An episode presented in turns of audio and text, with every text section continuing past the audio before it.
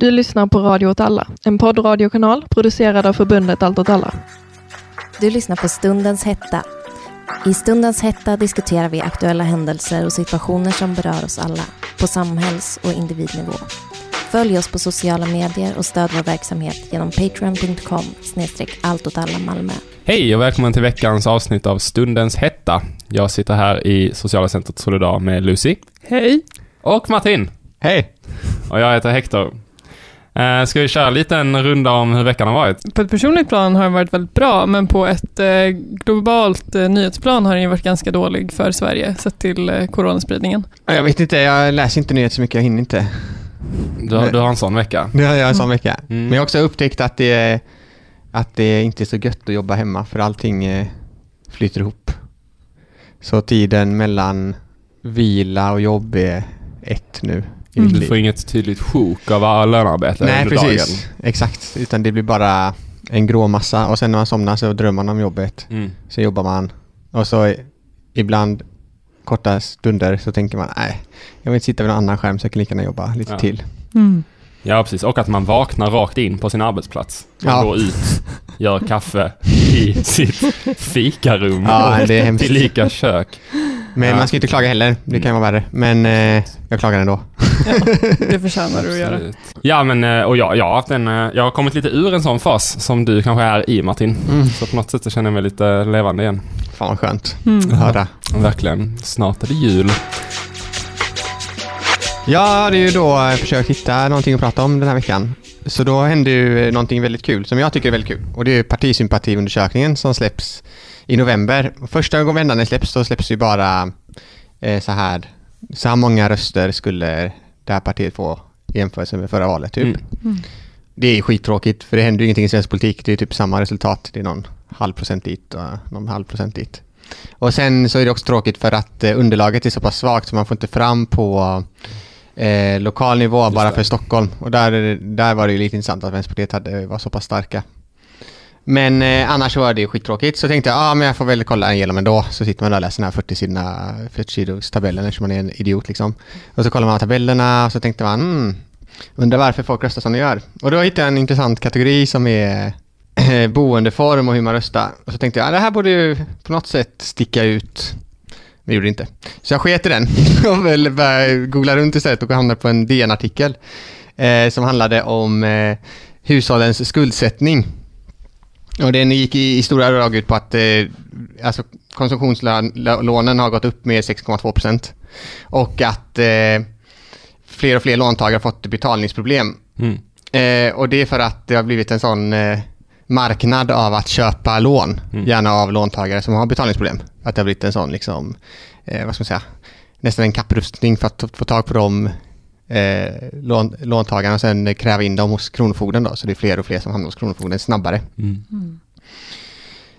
Men eh, också i april i år så slog eh, eh, SCB, då, Statistiska centralbyrån, eh, fast att eh, de svenska hushållen har en väldigt hög och ständigt ökande skuldsättning. Danmark var innan oss, Holland. Som hade högre skuldsättning. Ja, precis. Vi brukar vara med de tre där och tävla om vem som har mest skulder. Och eh, den största delen av skuldsättningen är såklart att det är så himla många som tar bostadslån. Det är den Mm. liksom, största delen av skuld. Men det räknas in som konsumtionslån. Ja, Mm. men det är, då, det är därför det blir så himla högt för att Mm. Mhm. Eh, Det är bostadslån. Eh, och bostadslån är lite speciella eftersom man dels har en väldigt aktiv po- politik att, att häva, kasta ut bostadslån Mm. och också att det ses ju som en naturlig del av livet. Men eh, då bör man ju tänka på skuld helt enkelt. Det var där jag hamnade. Och skuldsättningen bara ökar och ökar liksom. Det Ja. finns inget eh, stopp på det. Och eh, när man eh, pratar om skuld i politiska sammanhang så har till exempel den amerikanska geografen David Harvey, som vad lyssnare kanske känner till, han har skrivit, han ägnade typ all sin vakna tid att förklara Marx. Och han har gjort det i 40 år. Hela sitt liv. Hela sitt liv. Det är hans, det är hans grej. Hans Tidigt på intresse. YouTube. Ja, väldigt tidigt på YouTube. Skittråkiga föreläsningar tycker jag, men andra gillar dem. Men han menar ju på att eh, just eh, att äga sitt boende, eller tvingas att äga sitt boende genom lånsättning, skulle liksom öka då högerröstningen. Det var därför jag var nere och kollade på de här boendeformerna. Just Men det. så kom det fram att nej, lite grann om man anser att Vänsterpartiet skulle vara någonting diametralt motsats mot Ja. eh, Socialdemokraterna. Men sen får man ju väva in andra parametrar som ålder och kön och bostadsort och så. Jo, precis. Men i alla fall, det här menar ju då på att alltså, tesen är att man liksom blir mer och mer knuten till marknaden och därför tvingas Mm. göra vissa politiska val för att man gynnas av det. Och Ja. att många länder, bland annat däribland Sverige, för ju en aktiv politik för att folk ska äga sitt boende. Man kopplas liksom tydligare till kapitalet och därför så är man mindre intresserad av hippieflum och bo i kollektiv och stödja gröna cyklar och vad det nu Vänsterpartiet vill. Kanske tandläk tandförsäkringar, Glasögon. glasögon till barn, Mm. allt sånt där som Vänsterpartiet håller på med. Det, då blir det mindre intressant. Det intressanta blir då snarare ett till jobbskatteavdrag från Moderaterna eller låga, låga, låga, låga inkomstlöner som Centerpartiet Sänkta håller på med. amorteringskrav. Ja, exakt sådana grejer. Det är det, är det man går igång på då om man äger sitt boende. Ja jävlar vad man går igång på det. Ja. Om man äger sitt boende. Man, bara, oh, man, sitter, man, man köper en lägenhet och så tar man så här kanske 70% belånad. Och bara sitter man där och bara, när kommer nästa jobbskatteavdrag? när kommer det? Då mår man bra Ja. helt enkelt. Kristersson, skicka mig ett jobbskatteavdrag. Exakt. Vad håller ni på med? Ni ska sluta prata invandring. Jag vill höra om jobbskatteavdrag och så vidare. Ja. Men, men skuldsättning är ju någonting mer. För om man kollar på typ skuldsättningen och hur mycket den har ökat under de senaste 30 åren så går det ju också lite andra samhällstrender som är, som är roliga. Liksom. Och det är till exempel reallöneökning, stagnation. Det vill säga att lönerna går upp i en sån takt så att det mesta äts upp av inflation då. Men skuldsättningen ökar. Så man kan ju se det som en skuldsättning som ett sätt att liksom kom kompensera för lägre inkomster men man vill ändå konsumera liksom. Det är ett sätt att se på det. Mm. Men det har ju också med att man har då att, att liksom löneökningen mi- minskar har ju också med att folk jobbar mer och mer oregelbundet. Man har ju sämre anställning, anställning helt enkelt. Man jobbar längre, osäkert. Innan så var det så insteg liksom att man skulle kanske i början ta alltid vikariat då. Någon timme här och där och sen skulle man liksom komma in på arbetsmarknaden och få sitt fasta jobb och kunna ta sitt vill, villalån och köpa sin villa och ha det gött. Sen börja rösta på Moderaterna då. Men nu är det ju så istället att man liksom tvingas längre att vara i någon form av osäkerhet och det medför ju också att man också får kompensera liksom det inkomstbortfallet eh, med att ta lån helt enkelt. Så hur blir man om man blir skuldsatt? Har ni någon gång varit skuldsatta? Jag har inte det. Nej, Nej? Va? inte jag heller. Okej. Ja, jag har ju varit skuldsatt. Men inte så farligt. Jag, jag hade en väldigt konstig relation till Klarna ett tag där jag såg det som en tjänst. Så att man, så att man tog ett lån där då och så tänkte jag, ja, det är som en, det är liksom Det är som en prenumeration. Exakt, På, på, på kläder eller prylar liksom. Just det. Det är en väldigt dum inställning så jag, jag, jag passar men det inte är väl heller. ett ganska sparsamt, eh, en ganska absolut. sparsam skuld i... Jag tror bara jag kom upp i fem till sist. 5000. Ja, de har väl vissa gränser liksom också. För, Ja, Innan det börjar kosta mycket. precis. Men det var väldigt lätt att ta lån. Och man fick också, jag märkte att jag började få mer och mer erbjudanden om andra lån. När jag väl var inne där. Ja, men ska du inte ta ett sånt här telefon... Ska du inte baka samman det här Ja, lånet precis. Ska jag inte ta ett sms-lån? Jag fick mycket Lendo-reklam fick jag där ett tag. Ja men det var väl jävligt populärt med sms-lån för ett par år sedan. Ja, Ja. jag tror sms-lån var stort innan Klarna. Ja, Alltså att Klarna tog över jättestor del och en del, det finns väl ett par sådana resurs och, Mm. och ett par till som är så privatlåns. Precis. Men sen också nu att så, jo, sms-lån fanns ju typ, man kunde få 7000 spänn på sms, men nu kan man ju typ också få ett blankolån för så 350 000. typ lika lätt. Nej, skitsamma. Men det som man också kan säga om man är skuldsatta då, om man, om man är liksom ordentligt i skuld, det är ju också att man... När jag, när jag sitter där med mitt Klarna, nu är det ett jättedåligt exempel, men om jag sitter där med mitt Klarna-lån så tänker man ju per automatik att det är mig själv jag skyller på. Liksom. Det är min, jag har försatt mig själv i den situationen. Mm. Och så är det ju med all skuldsättning, liksom, även när man har lånat typ bara, eller, alltså skuldkänsla är ju från det liksom. Mm. Att man får Ja. en skuldkänsla att ha skuld som man ofta riktar mot sig själv. Man ligger back med någonting. Mm. Så man kan beskriva det också som en, om man typ ser då att liksom kapitalismen har blivit mer flexibel, eh, man har blivit, eh, den har liksom tvingat en till att sätta sig i situationer där man är beroende av banker mer och mer och låntagning på olika sätt, mer eller mindre seriösa banker då. Så medför ju det också att det, man kan se det som en ny typ av arbetsetik. Liksom. Om arbetsetiken innan var att du ska vara på jobbet, jobba åtta timmar, trycka på den här knappen, den här maskinen, Eh, det är jättebra om du gör det. Så är ju liksom skuldsättningen ett nytt sätt att knyta människor till, till liksom det systemet vi verkar och lever i. Så att man kan kontrollera också. Alltså indirekt, det är inte så att det sitter ett gäng gubbar och bara nu, nu, nu ser vi till så att alla blir skuldsatta så att, så att vi kan styra dem. Men att det blir som en styrelsemekanism. Och det var det här jag tänkte på när jag läste de här artiklarna.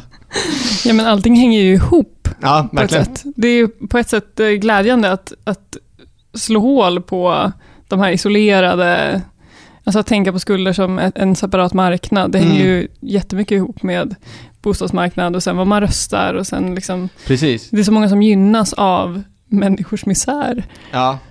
Och sen så är det ju intressant med lån också för att på något sätt finns det ju väldigt många som drar en väldig vinning av att låna pengar också. Eh, om man tänker på till exempel människor som kan, alltså om man ändå pratar, om man går till, till sin, om man har, eh, om man går till sin bank och frågar, ja, ska jag köpa en lägenhet eller ska jag, ska jag bo kvar i min hyresrätt? Så lär de säga, köp en bostadsrätt för att du lånar pengar och putsar in lite insats och så kommer det antagligen gå upp i värde men i och med att du har lånat 85% så gör du ju vinst på pengar du inte hade innan. Mm. Så du har ju en jävla vinst för de 15% du, du putsar in. Ja. Eh, vilket ju också liksom skapar en, en det, det drar ju på något sätt isär.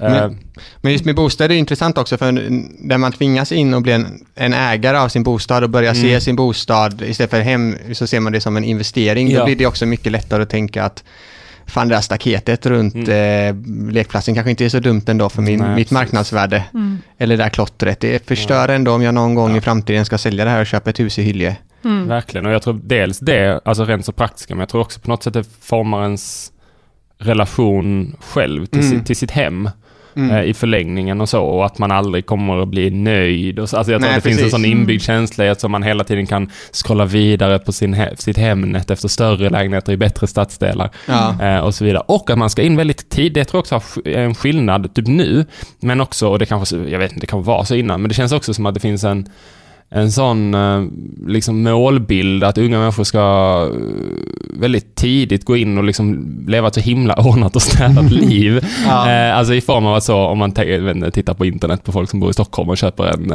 en lägenhet i innerstan för typ en 19 kvadrat för fyra, eller jag vet inte, men Mm. en jätte, alltså, ö, ö, alltså en bisarr mängd pengar. Liksom så svårt att själv, och det är säkert för att man har föräldrar eller möjlighet, alltså så, som kan gå in för det, men det blir väldigt svårt att själv förstå. Man, man tvingas ju in också man i, i en snabbare vuxenvärld eftersom man vet Mm. med sig då när man är gymnasieelev. Om man vill ha någonstans att bo så måste man köpa en Mm. lägenhet typ. Och då det tvingar ju en in i det blir liksom inga fler knarkresor till Asien eller backpacking i Sydamerika utan det blir ju precis. liksom göra karriär, köpa en bostad Mm. eh, och that's it liksom. Vi får se nu efter covid med alla gymnasieelever som har behövt jobba hemma om det kommer bli en sån äh, återupplivande av eh, hoppas det. backpacking, Mm. Full moon party. Men jag Ja, tänker liksom. tillbaka till det här med, med att se det som en investering, att när man väl har sin bostadsrätt så Mm. blir man ju mål för en massa nya investeringar du kan göra i bostadsrätten, Mm. som renoveringar, köp till en tvättmaskin, Mm. då kommer det öka värdet och så vidare. och Så vidare. Så att det tar ju aldrig slut. Ja, jag, läs, jag lyssnade någon gång på något väldigt roligt om det, att det var problem, problem för folk som köpte bostadsrätter för att i och med att det är ganska hög ruljans, framförallt kanske på mindre lägenheter, med att alla också renoverar hela tiden. Och att om man då flyttar någonstans så är det sånt jävla liv i huset, alltså alltid. Mm. Eh, för att alla byter kök eller byter badrum eller vet inte, slipar golv eller vet inte, hugger ner någonting. Mm. Vägg, bygger vägg, river vägg. Eh, Ja. Ja. det är Som folk hör så bor inte vi i bostadsrätt. Nej, Vi vet inte det vad är hörs för värld. kanske. Men, Men- eh, får jag ställa en sista fråga? Ja. Eh, tillbaka till det här med att, att det finns en affärsidé att kräva in fordringar. Mm. Mm. Är det lättare att ta lån nu för tiden? Absolut, Mm. det är det. Man har tagit bort ganska många krav Ja. eh, och så har man ju också antalet aktörer som man kan ta lån av har ju ökat. Mm. Så det, alltså hela lån, alltså hela den här politiken har ju varit väldigt uttänkt egentligen just för att tvinga folk in. Alltså, man säger inte att man tvingar in folk utan man säger eh, öka mobiliteten på bostadsmarknaden, eh, skapa större valfrihet och så vidare. Men det är ju ändå en väldigt aktiv politik för att se till så att folk ska ha kunnat ta lån till väldigt fördelaktiga Ja. eh, villkor Ja. Mm. eh, under en period i, i svensk historia. Alltså, alltså så här, att man kan ta lån där banken snarare betalar dig Mm. än du banken, alltså minusränta. Mm. Ja, det blir ju inte minusränta Nej. i förhållande till banken, men, men absolut. Mm. Det låter ju som att det mer närmar sig hur USA såg ut innan börskraschen 2008. Det här med Mm. liksom tomma Ja, skallån som Precis. inte ens Ja. betydde någonting, men det kanske är... Ja, nej men det, Fel men det som hände också är ju att det, en, vi lever ju i en, bostad, det är en bostadsbubbla eftersom det är liksom en överspekulation på Ja. bostäder eftersom utbudet är för litet sett till tillfrå- efterfrågan. Så de värderas, alltså lånen, eh, lånen utgår från en alltför hög värdering på, Precis. på det som, som, som till, den bakomliggande tillgången. Exakt. är Och, men det som hände i USA var ju också att det samföll med en ekonomisk regression. Mm. Så att då blev ju folk arbetslösa och bostadsbubblan då sprack. Mm. För det folk inte hade råd längre att betala av de här lånen. Mm. Eh, och det är ett ständigt hot här. Mm. Och det är därför också alla politiker måste hela tiden navigera mellan eh, den här kollapsen som vi står inför Mm. och men också så här, man kommer inte vinna val om man tvingar folk att gå från minusränta till, Nej. alltså öka folks levnadskostnader markant. Mm. Och det skulle också innebära att folk blev bostadslösa eftersom skuldkvoten då, alltså skulden sett till inkomst är så Ja. himla hög i Sverige. Precis. Vad man också kan tänka sig är ju också att skuld, alltså bo, bostäder har ju, har, har ju det lånats till under ganska lång tid i Sverige, men de här mer nya moderna konsumtionslånen, eh, bi, Mm. billån är egentligen ett av de tidigare som var ganska allmänt. Även avbetalning på mobiltelefoner var ganska tidigt. Ja, det gör ju alla. Ja, men att liksom slå igenom och bli helt eh, accepterad. Men jag tror rätt mycket när det, man gick från de här, alltså så att man gick in på en lite konstig hemsida som hette kanske så pengar.se och tog ett sms-lån. Att det var väldigt, alltså, väldigt skambelagt, Mm. lite fult, det liksom förknippades med en dålig karaktär. Medan nu så kan man ju få ett kreditkort från Klarna eller så att man kan Mm. liksom toppa där i en app, liksom gå upp. Alltså så här, det blir väldigt, väldigt lätt, väldigt tillgängligt, väldigt tilltalande för den stora massan. Eh, och det tror jag har, har påverkat den typen av lån. Alltså en generation bakåt hade ju inte när de var unga tagit ett lån på en elektronikprodukt som Nej. håller ett år, som alla gör idag. Det jag började läsa på om då är ju HMs eh, anklagelser om en rasistisk kultur som florerar. Och det här är baserat på H&M i Sverige, men också globalt. Då. Ehm, och det var tidigare i höstas som det väcktes anklagelser om en rasistisk kultur inom miljardföretaget, efter att både kunder och anställda vittnat om diskriminering. Och då var det ett tv-program som jag tror ligger under Aftonbladet, det heter 200 sekunder. Mm. Är inte Så- det Aschberg? Jo, precis. Som genomförde ett experiment där en rasifierad person försökte byta sina varor mot nya plagg utan kvitto, men nekades i var tredje butik i Stockholm. Och sen skickade de in en vit kvinna som har med sig exakt samma plagg och även hon utan kvitto och hon fick byta sina varor mot nya i alla butiker. Och det är också en policy som H&M säger att de har, att man ska kunna göra så utan kvitto. Um, men de så här, rasistiska anklagelser inom H&M är inte något nytt egentligen. De har ju varit i blåsväder många gånger. Kanske mest uppmärksammat för tre år sedan när de lanserade en tröja med texten “Coolest monkey in the jungle” fotad på ett svart barn. Och det här ledde till massiva protester på dels sociala medier, men framförallt i Sydafrika, där flera butiker tvingades stänga på grund av vandalisering. Eh, och följden av det här var att de tillsatte en mångfaldschef. Men vdn då, Helena Helmersson, hon har inte bemött kritiken då, den senaste efter det här experimentet på sju veckor, förrän relativt nyligen. Och då klev hon ut i en intervju och sa att rasism är en stor del av vårt samhälle och inte något vi kan garantera inte sker i företaget. Men att stor förändring har skett bara det senaste året. Ja, det kan ju vara lite svårt att säga tycker jag, när man har väldigt nya färska anklagelser. Men eh, samtidigt är Helmerssons argument för varför inkludering är bra, det här tyckte jag var lite märkligt, det är inte att rasism är en skadlig samhällsstruktur som vi måste motarbeta, utan att inkludering är viktigt för att kunna skapa plagg som kan säljas till alla människor. Men eh, nu i veckan så inledde diskriminations... Diskrimineringsombudsmannen en tillsyn mot H&M och även jämställdhetsminister Åsa Lindhagen har haft ett möte med H&M's ledning, så vi får ju följa och se vad som händer på den fronten. Men förutom H&M då så framkom det i veckan att Amnesty International Sveriges generalsekreterare Anna Lindenfors avgår med omedelbar verkan efter vad som beskrivs som en turbulent tid i organisationen. Och nu vet jag, alltså jag vet verkligen inte avgång, eller anledningen till hennes avgång. Eh, den beskrivs som att hon och styrelsen har olika framtidsvisioner för Amnesty Sverige. Men den här turbulenta tiden är att organisationen också har mötts av många rasistiska anklagelser efter vittnesmål från anställda om att högt uppsatta personer fritt använder n-ordet internt och att de även skyddas av ledargruppen, eller de mest högt, högt uppsatta. Men jag tycker att det här är intressant för att det känns som en ganska tydlig efterföljd av årets Black Lives Matter-protester. Absolut. Ja, och jag vill tro att det liksom har lett till att människor har hittat någon sorts kraft eller stöd eller solidaritet i att själva våga säga ifrån om den rasism som förekommer på deras arbetsplats. Och jag tänker att, alltså, jag tycker att det symboliserar typ att kamp är, det är inte bara viktigt för social förändring och för reformer och politik, utan också för att visa att man är så himla många och att ingen är ensam och att det kan bli lättare då att säga ifrån. Jag måste ändå säga att jag gillade den här hm chefens första svar där kring att det var för att eh, man ska kunna sälja produkter, för det är ju sant. Det är bara därför sådana här företag har en mångfaldspolicy eller bryr sig överhuvudtaget. Det är bara så här, det är inte för att de är Alltså, jag, det är säkert många i, H&M som är emot rasism, men det är liksom, om de hade varit mot rasism så hade de inte haft, utnyttjat rasifierade människor i sina fabriker. Liksom. Eller så, de har ju en rasistisk grundsyn på, på Ja, andra precis. människor bara i sin produktionskedja. Liksom. Ja, och egentligen, alltså, det är inte så förvånande just i H&M. Alltså, de har ju varit i, Mm. i mycket liksom Mm. också när Mm. det uppdagades om vad det är för fabriksförhållanden i Bangladesh. Liksom. Mm. Men jag tycker bara att det är så...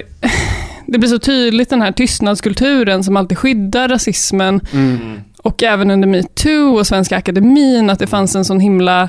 Det är ett helt nät runt om som skyddar att det här får ske liksom, och får fortlöpa och att det är ingen som säger ifrån. Eh, och att det då normaliseras väldigt mycket. Men eh, jag var ändå ganska, ganska förvånad att det har varit så här i Amnesty. Ja, verkligen. Alltså, eller, ja, eller så, så kan man ju säga. Jo, men en en initiala reaktion är väl ändå, Oj. ja, fan vad sämst ni är. Mm. Ja. Men det var väl också samma gäng som för några år sedan eh, började vara för att typ ändra svensk sexköpslagstiftning Mm. Ja. till en mer Precis. tysk modell och så. Det känns som att Amnesty är ute på en farlig resa. Men jag tänker att det här är väl också andra sidan av något annat fenomen som är det som också hände under BLM och med eh, olika företag. Alltså att man eh, liksom obrytt började... Netflix hade sin Black Lives Matters Week. Mm. Apple hade väl någon så här skitstor typ BLM-grej. Alltså att det finns också Mm. den här eh, corporate communications-sidan av det också som är... Så man tänker ju att om man anställer en mångfaldschef så är det just för att man vill eh, dels då visa att man inte alls är rasister, så handla hos oss gärna. Men också för att hitta just strategier för att kunna liksom rekopiera samhällstrender. Just det. Liksom, och Mm. bara, det är samma sak som när folk är så här, oh, i den här reklamen så är det alla möjliga människoformer. Man bara, fast det handlar inte om att de bryr sig om människoformer, det handlar om att de bara fattar att det här kommer sälja en bh till. Mm, exakt. Nej, jag tänkte faktiskt prata om eh, klimatrörelsen med tanke på att i söndags, att Greta Thunberg var eh, VD, höll jag på att säga. Redaktör. Rädda chefsredaktör på Dagens Nyheter. Eh, men Jag måste erkänna att jag läste inte en enda artikel. Jag Jag gjorde faktiskt inte heller det. på det. Ah, jag har det en helg nu, så att jag läste den faktiskt. Jag är glad att jag, jag gick inte i den fällan. Nej, okej. Den marknadsföringsfällan. Nej, jag gjorde ju det fram, jag gjorde det fram tills jag kom på att jag kanske ska prata om ett annat ämne. Så att vi kanske skjuter på den till nästa vecka och så idag ska jag prata om något helt annat. Men, eh, men flera gånger under höstens avsnitt så har vi tagit upp um, olika fall där olika intressen på olika sätt profiterar på den rådande krisen. Vi har slagit fast att kriser och oro öppnar upp för öppnar upp marknader att slå sig in på och att rättfärdiga eh, sin, sin produkt eller, eller sitt produktionssätt och i förlängningen då liksom tjäna grova pengar. Eh, och det, liksom det har sålt, men vi har gett många exempel nu från, från i år, så där, för, för, sålt eh, icke-funktionella munskydd till, eh, till det dyra pris. Eh, arbetskraft har tvingats arbeta trots symptom och så, som vi pratade om förra veckan. Gigekonomin har blomstrat ut kanske snabbare än vad vi hade kunnat ana och så vidare med, med allt vad det innebär för arbetsmiljö och arbetsrätt. Och nu har jag ju ett specialintresse i att läsa de här obskyra amerikanska ekonominyheterna som, som vi har hört. Vi kanske borde fixa en sån liten börs, börsstundens hetta jingel eh, att sätta in ibland. Eh, och producent Kalle länkade en artikel från Business Insider eh, som faktiskt, trots det helt obskyra namnet, inte är, alltså ändå är en, en stor sida. Som, som ju förstår mi, mitt intresse för det här. Eh, och trots vanan av att läsa de här väldigt konstiga och väldigt eh, ska man säga, finansvärldsorienterade nyheterna så, så fick, fick det mig att om jag åtminstone inte tappar hakan så i alla fall höja, höja på ögonbrynet lite extra. Men li, lite bakgrund då till det jag kommer att prata om. Alltså, ganska länge så har olika personer eh, högt uppsatta och med mycket pengar och makt pratat om vatten som en råvara som på grund av liksom marknadens förträfflighet gällande att hantera brist, utbud, egendom, att vatten då borde privatiseras.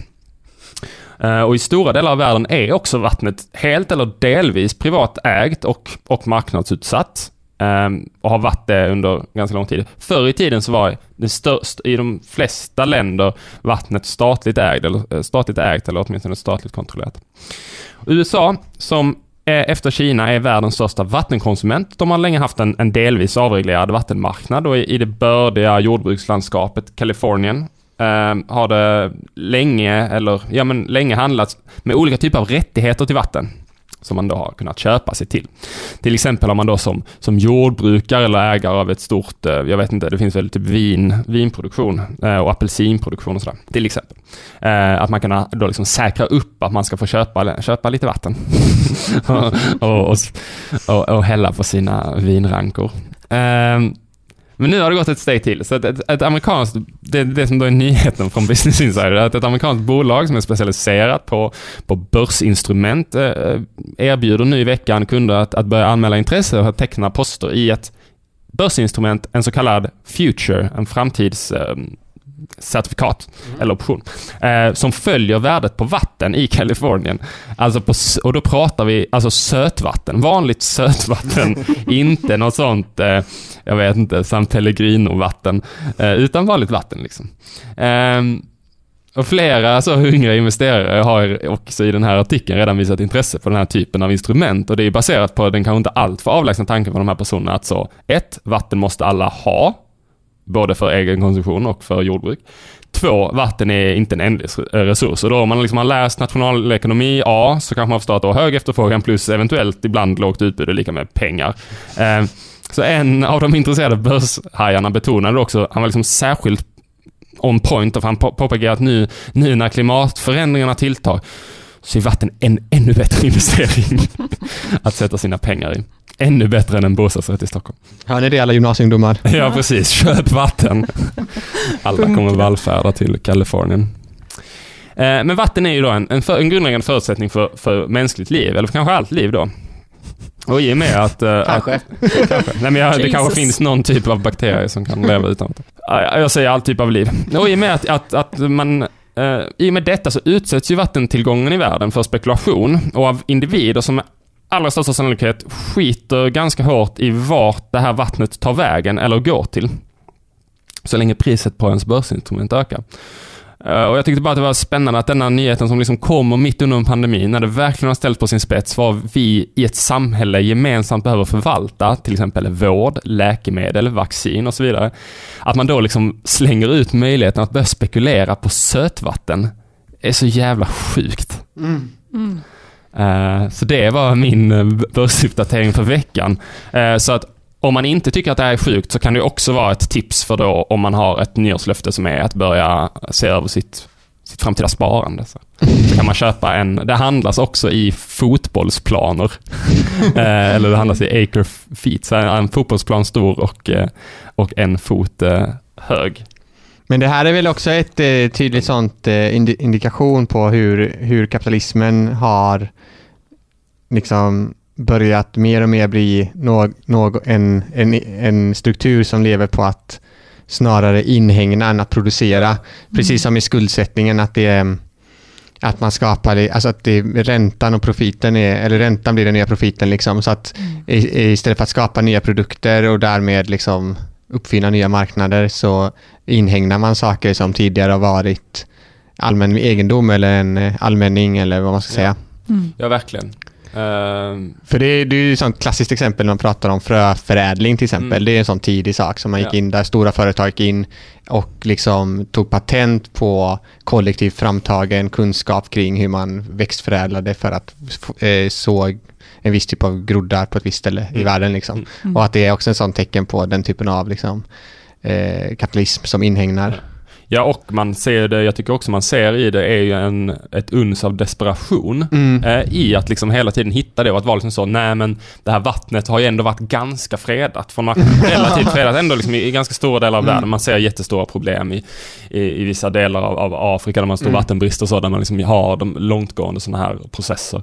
Men generellt så har det varit ganska fredat. ehm, men att man liksom då tvingas göra det, eller som, som med typ så de stora techbolagen, att man nu börjar liksom, man inhägnar information, personlig information på ett sätt som inte har funnits Mm. tidigare. Att liksom det är en, på något sätt en desperat eh, att liksom letande med ljus och lykta, för det är inte lika lätt längre att hitta Nej. de här områdena som man kan inhägna längre. Ehm, när, man, när vi har levt i det, här, i det här produktionssättet i 200 år eller något. Ja. Mm. Jag vet inte, jag har typ aldrig tänkt på att vatten är någonting som kan ta slut. Eller är det, är det att man inte kan bruka saltvatten till... Jo, men det kan man göra och det gör man i vissa, vissa stater. Ehm, man gör det exempelvis i Gulfstaterna, eh, Mm. där man har väldigt lite sötvatten för att det är öken. Och eh, eh, väldigt mycket pengar för att man har olja. Så att man kan, det, det går väldigt mycket energi åt att, att eh, avsalta vatten. Man pratar ju ibland om det som då lösningen på det, men, men rent krasst så har man väl idag inte en, en tillräckligt effektiv teknik för att i den enorma skalan avsalta eh, vatten eh, som, som skulle behövas. Eh, men jo, man, det finns nog en del som, som också sätter sina pengar i vattenteknik, som jag också läste mig till, att det är liksom den andra delen av vattenföretagen som man kan investera Men den andra delen av det här är också att de kallt räknar på att världen håller på att gå under. Alltså att det är lite Verkligen, samma... Alltså, jo, jo, nej men... Mm. Att liksom 100%. de här eh, jätterika människorna som bygger enorma underjordiska bunkrar Mm. och anställer privata vaktbolag och bara förbereder sig sen Mm. Mad Max-scenario i framtiden. Att det är lite samma inställning också.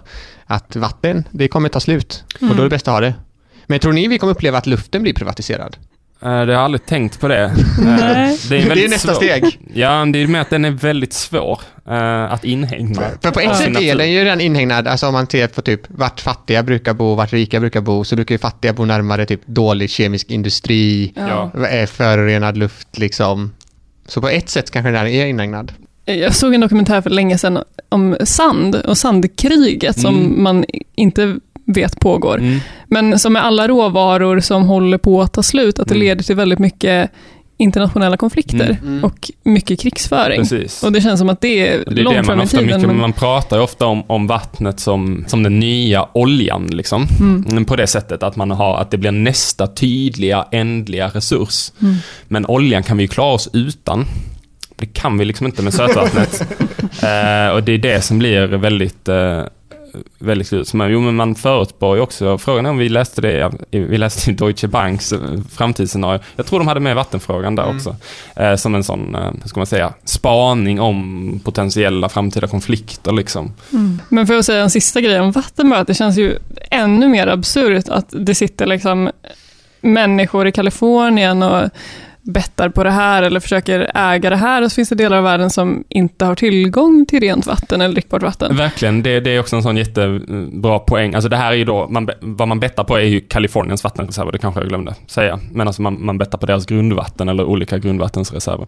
Men verkligen att det vattnet hade ju inte, hade ju också kunnat, om man har ett överskott till exempel av vatten så kan ju också vatten, även om det är väldigt svårt, flyttas på olika sätt. Mm. Ehm, men nej, det är verkligen sant.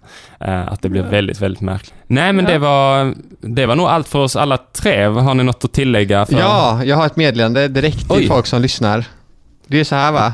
Meddelande till allmänheten? Jag meddelar till allmänheten. Till nationen. Oviktigt meddelande till allmänheten. Till alla kära lyssnare. Jo, vi har skaffat, eh, Röret Alla har skaffat en Instagram Mm. som gärna får gå in och det. likea. Vi har också skaffat en Twitter. Och där finns det också möjlighet att om man vill ha direktkontakt med oss, om man tycker typ fan vad fan sitter och babblar om i ett program, ni har ju helt fel. Eller fan vad grymt. Mm. Eller ni borde lyfta det här nästa gång. Exakt. Eller eh, läser Business Insider och hittar någon bra artikel. Ja. Precis, om ni tipsar Hector om Business Insider-artiklar, ge, ge props till, eh, till Lucy eller bara skälla på mig, så har vi en Twitter och Instagram där vi kan också ta emot direktmeddelanden och så vidare. Så eh, gå gärna in och likea det och följ oss där. Vi kommer också försöka lägga upp mer bilder på när vi gör saker och så, men det är en senare historia. Följ oss på sociala medier och stöd vår verksamhet genom patreon.com snedstreck allt åt alla Malmö.